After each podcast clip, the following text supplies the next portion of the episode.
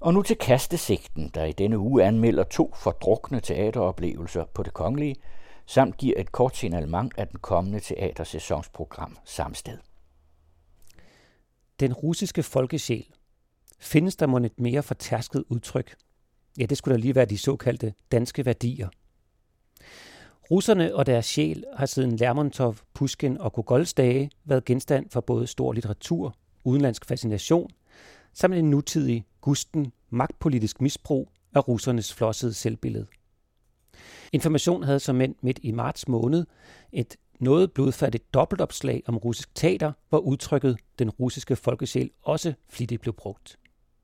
Og russerne selv elsker at svælge i det særegne ved denne umulige konstruktion. Det russiske kulturinstitut havde for eksempel en filmrække her i april med en række nutidige bud på det særligt russiske. Jeg havde selv fornøjelsen af at se det store, ambitiøse epos, Den russiske ark, en film om hele den russiske historie med flere tusinde statister, filmet i Eremitagen i St. Petersborg i løbet af kun en eneste dag og uden et eneste klip. Filmen var mestendels uforståelig for alle, der ikke kendte de sidste 300 års slaviske historie indgående, mens de indforståede publikummer i biografen i Vestervoldgade havde den der typiske russiske selvglæde ved at se sin historie og folkesjæl farvelagt og iscenesat.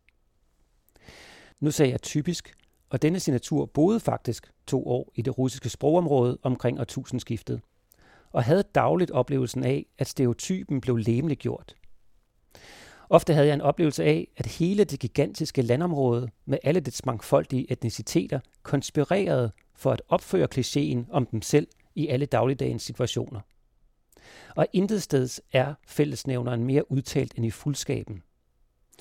Det er, så vidt jeg ved, et almindeligt anerkendt historisk faktum, at Gorbachev mistede først sympatien og senere magten i Sovjetunionen, fordi han, som den første generalsekretær, reelt forsøgte at bekæmpe alkoholismen ved at lufte tanker om et slags russisk systembolag.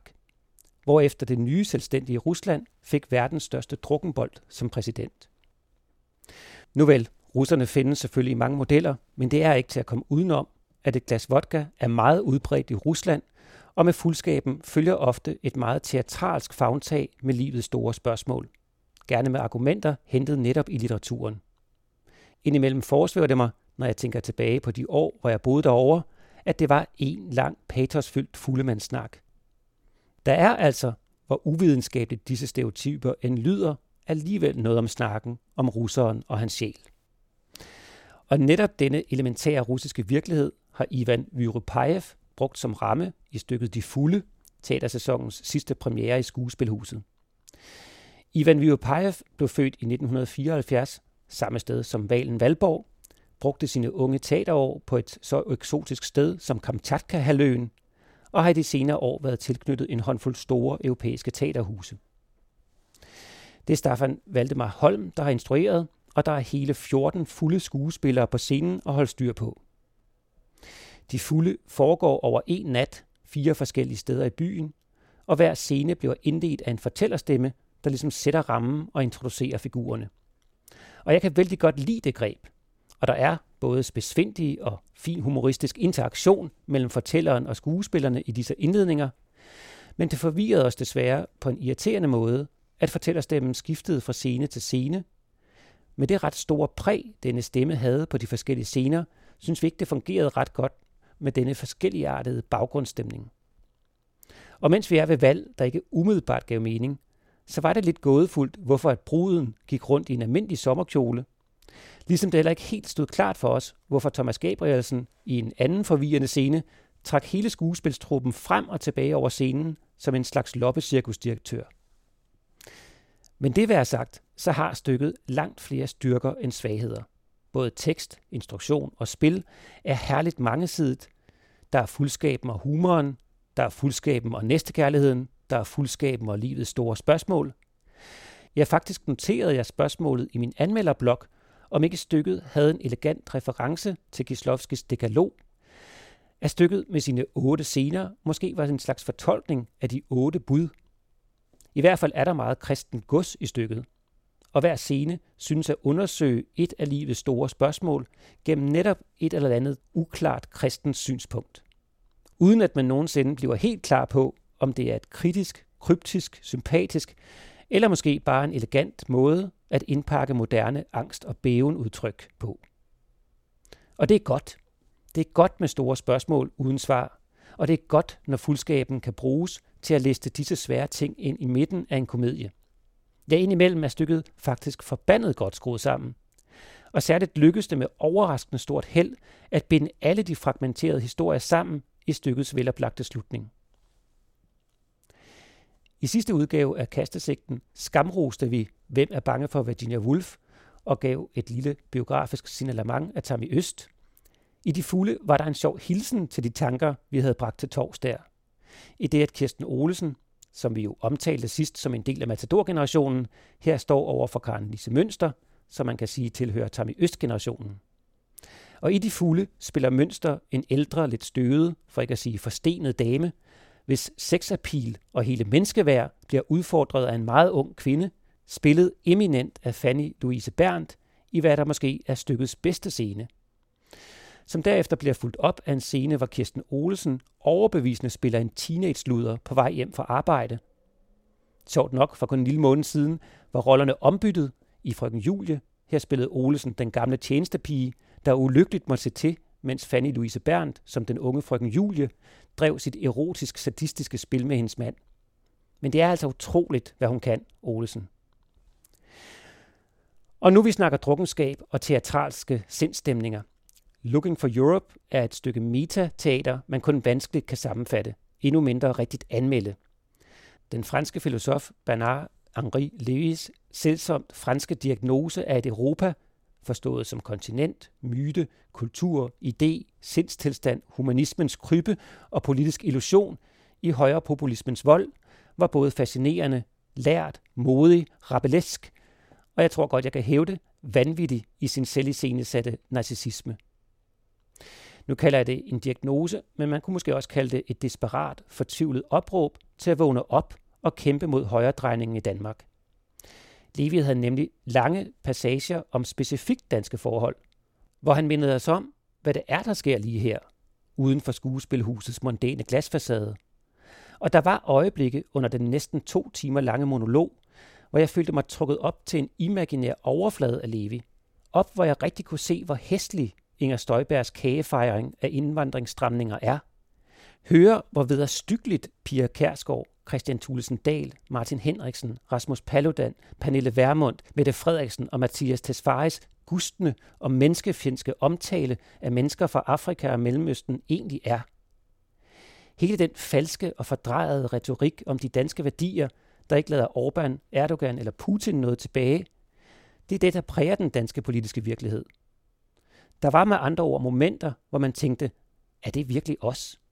Ser vi hyggelige danskere sådan ud, set udefra? Hvordan i alverden er vi havnet her? Og hold kæft, hvor er det uhyggeligt. Og i de øjeblikke spillede Levi på samme banehalvdel som Tue Bierings Rocky, Christian Lollikes The Living Dead, og måske Christian Husted, som har premiere på sit hørespil Find hvor hit på Husets Teater på lørdag den 18. maj. Men det vil sagt, var der mange lange øjeblikke, hvor den rapplende Levi kørte ud af tangenter, der, som en ledsager udtrykte det, mest af alt mindede om et LSD-trip, der var gået galt. Stykket gik kun den ene aften i Danmark og drog sig videre på Levis Europaturné, hvor man må formode, at alle vores europæiske medborgere får en tilsvarende svada. Selvom aftenen med den franske filosof dybest set ikke rigtig er min kop te, vil jeg alligevel sige, at gid der var flere af Levis kaliber, der gjorde noget lignende. Ruskede lidt i os med en hovmodig dannelse, poetiske sidespring og en who's who i europæisk åndsliv, tilsat lidt politisk name-dropping. Der må bestemt være et hungrende publikum derude, der trænger til lidt modgift til alle musicalsene. Det var der i hvert fald i teateret den aften, i hvert fald efter antallet af fremmødte kendiser og de stående klapsalver at dømme. Og så til det årligt tilbagevendende event i Operan, hvor det kongelige løfter sløret for næste sæsons program. Og hvis det kongelige med Kasper Holten i spidsen havde ambitioner om, at det hele skulle ligne et pressemøde i Danske Bank mest muligt, ja, så indfriede de bestemt disse ambitioner. Der var noget tokrummende og myrekrybgivende corporate over sidste uges event. Jeg kender desværre ikke noget dansk ord, der rigtig dækker, hvad jeg mener, når jeg siger corporate. Men I ved, en masse glas og stål og gratis kildevand og uniformsklædte kvinder, stillet over for de der slikkæmmede midalderne mænd med blazer og hvide åbenstående skjorter foran mikrofonerne. Der taler om kunst og sjæl og hjerteblod på en måde, der lyder som om de taler om belægningsprocent, verdensklasse som et sportsbegreb og danskhed som noget, der ikke findes i København. Og nu er jeg måske lidt for hård ved de hvide, åbenstående skjorter og hænger mig i noget irrelevant, for det er jo også helt ligegyldigt, hvad de der presseevents signalerer. Det vigtige er programmet, og det ser slet ikke så ringe ud endda. Blandt en hel del præpremiere, hvor I blandt andet får chancen for at se Nye Rejsende og Richard den 3., er der både Brigts Mutter Courage med førnævnte Karen Lise Mønster i hovedrollen, og Lindgrens Brødrene Løvehjerte, og Platons Symposium og von Kleist Pantaselia, samt to nyskrevne danske stykker at glæde sig til. Måske en og anden vil kunne huske, at vi her på Kastesigten også sidste år rapporterede fra sæsonafsløringseventet i Operan. Dengang gav vi formanden for bestyrelsen, Lisbeth Knudsen, lidt taletid i æderen, og det gjorde vi, fordi at foråret 2018 havde stået i Kulturministeriets store meningsundersøgelse om scenekunst i Danmarks tegn. Mig bekendt er den undersøgelse, som der blev brugt temmelig meget krudt på i den danske teaterverden, ikke blevet fuldt op af nogen konkrete tiltag. Måske var det hele bare endnu en af de der øvelser for regeringen, hvor en masse virak lægger et røgslør ud over en total visionsløs og nedskæringspræget kulturpolitik. Nå, men i år var der så vidt jeg kunne se ingen deltagelse af bestyrelsen, men både jeg og flere andre bemærkede, at direktøren for det hele, Kasper Holten, udtrykte sig i vendinger, der lød som et ekko af året før, altså et slags mini-manifest for teaterets berettigelse. I får her et lille udpluk af hans tale, men før jeg slutter, så lad mig lige minde om, at alle de københavnske teatre i de sidste par uger har offentliggjort deres respektive sæsonprogrammer, og en rigtig god anledning til at snuppe et program og gøre sig bekendt med, hvad man kan glæde sig til efter sommerferien, er den kommende teaterfestival. Det er nemlig den 22. maj, at årets store københavnske teaterfestival begynder. Her er en overflod af teatertilbud i alle genrer og formater at finde overalt i København. Vi linker til programmet på hjemmesiden og giver det kongelige teaters chef det sidste ord i denne omgang. Inden vi runder af, så øh, indledte jeg jo med at sige, at øh, vi gerne ville tale med selvtillid på kunstens vegne. Og det synes jeg, der også i lyset af, at vi snart skal have folketingsvalg, øh, måske lige er grund til at dvæle ved, bare i to sekunder. For nylig er det nemlig sådan, at øh, har nogle af jer måske bemærket, at mandag morgen og Altinget lavede en stor kulturanalyse, hvor man spurgte danskerne om deres forhold til kulturen. Og når er det sådan, at øh, den slags meningsmålinger eller undersøgelser plejer jo at spørge danskerne, vil du helst have et teaterstykke eller en ny hofte? Øh, vil du helst have, at dine børn kan komme en tur til opera, eller at de kan gå i skole og få en uddannelse? Og pudsigt nok taber kulturen i den slags undersøgelser som regel. Jeg tror, som en, selv jeg som far vil sige, så er det nok bedst, at vi har et hospital og en skole, hvis det, hvis det er det, der er valget. Men er det nu et rigtigt valg? Lever vi kun for at overleve, eller lever vi også for at få gode, meningsfyldte liv, der også er fyldt med oplevelser, som, vi kan få, som kan få os til at reflektere, grine og græde, som kan gøre vores liv dybere og mere indholdsrigt? For hvis det er sådan, så skal man måske spørge på en anden måde. Og mandag morgen gik til det på en anden måde og spurgte danskerne, om de synes, det er væsentligt, at vi har et kulturliv, om de synes, det skal støttes af staten, om de værdsætter også de klassiske kulturformer, det der måske nogle gange kan opleves som, om det ikke har en bred folkelig appel. Og det var fantastisk at se, hvordan den undersøgelse, jeg vil opfordre jer alle sammen til at gå hjem og kigge på den, faktisk dokumenterer, at det burde være en ren politisk vindersag at gå ind for et stærkt kulturliv i Danmark. For danskerne synes faktisk, at kultur er vigtigt. De ranker også de klassiske kunstformer meget, meget højt. Og der er en utrolig bred opbakning til, at staten skal investere i det.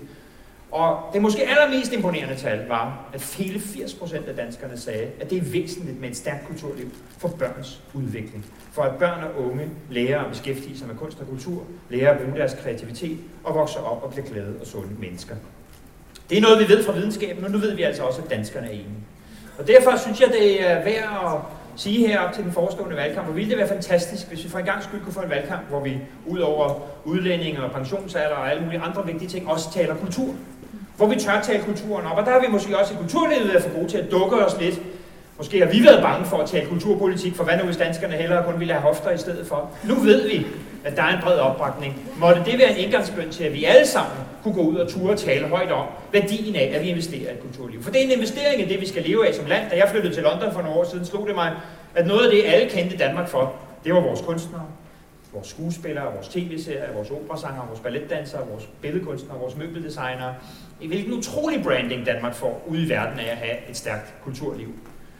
Og så slår det mig igen og igen, hvor væsentligt det er, nu hørte vi om både Nøvehjert, om Hobbiten, om Nødeknækkeren, om Bamse og mange andre ting, hvor væsentligt det er, at vi som kulturinstitution åbner os for de næste generationer og viser dem, at der er mange måder at fortælle verden på. At vi giver børn reelle valg her i tilværelsen, så de selv kan opdage, om scenekunst, om klassisk musik, om dans og sang er noget for dem. At det at begynde at beskæftige sig med kunst var noget, der kunne gøre deres liv rigere. Det vil vi gerne bidrage til herinde, men vi håber også, at vi i valgkampen kan få lov til at tale om betydningen af et stærkt kulturliv. At vi holder op med at kalde det kulturstøtte, og begynder at tale om det, det er. Vi kalder det jo ikke hospitalstøtte og rejstøtte, men vi snakker om investeringen i, at vi har et rigt samfund, som giver vores mennesker valgmuligheder. Vi vil bestræbe os her på det kongelige teater i de kommende år om at tale om kunsten med selvtillid, og vi vil bestræbe os på at give valgmuligheder. Og jeg håber, I synes, at det repertoire, jeg har hørt om i dag, demonstrerer vores iver for at sige, at vi kan rigtig mange forskellige ting, at vi kan tale til mange forskellige mennesker, og at vi forhåbentlig kan lokke rigtig mange mennesker ind i teatersalen, ud i dyrehaven, rundt omkring i landet, hvor vi er, ind og opleve teaterets magi. Vi tror faktisk på, at det er noget, der gør vores verden større og vores liv rigere. Det var det, vi havde på hjertet i dag. Øh, tak til jer, der kiggede med rundt omkring derhjemme på vores livestream. Tak til de kunstneriske chefer, selvfølgelig meget stor tak til jer, der dukkede frem her i dag i Operans foyer. Øh, nu runder vi af, og så bliver vi hængende, og så er der lejlighed for at øh, snakke med os, de af jer, der måtte have noget at spørge os om. Ellers så håber jeg, at I kan lide det, I hørte og så, og øh, så glæder vi os til at se jer en hel masse teater næste sæson. Tak for det. I hørte den anden radios teatermedarbejder Rasmus Blæde Larsen og teaterchef Kasper Holten.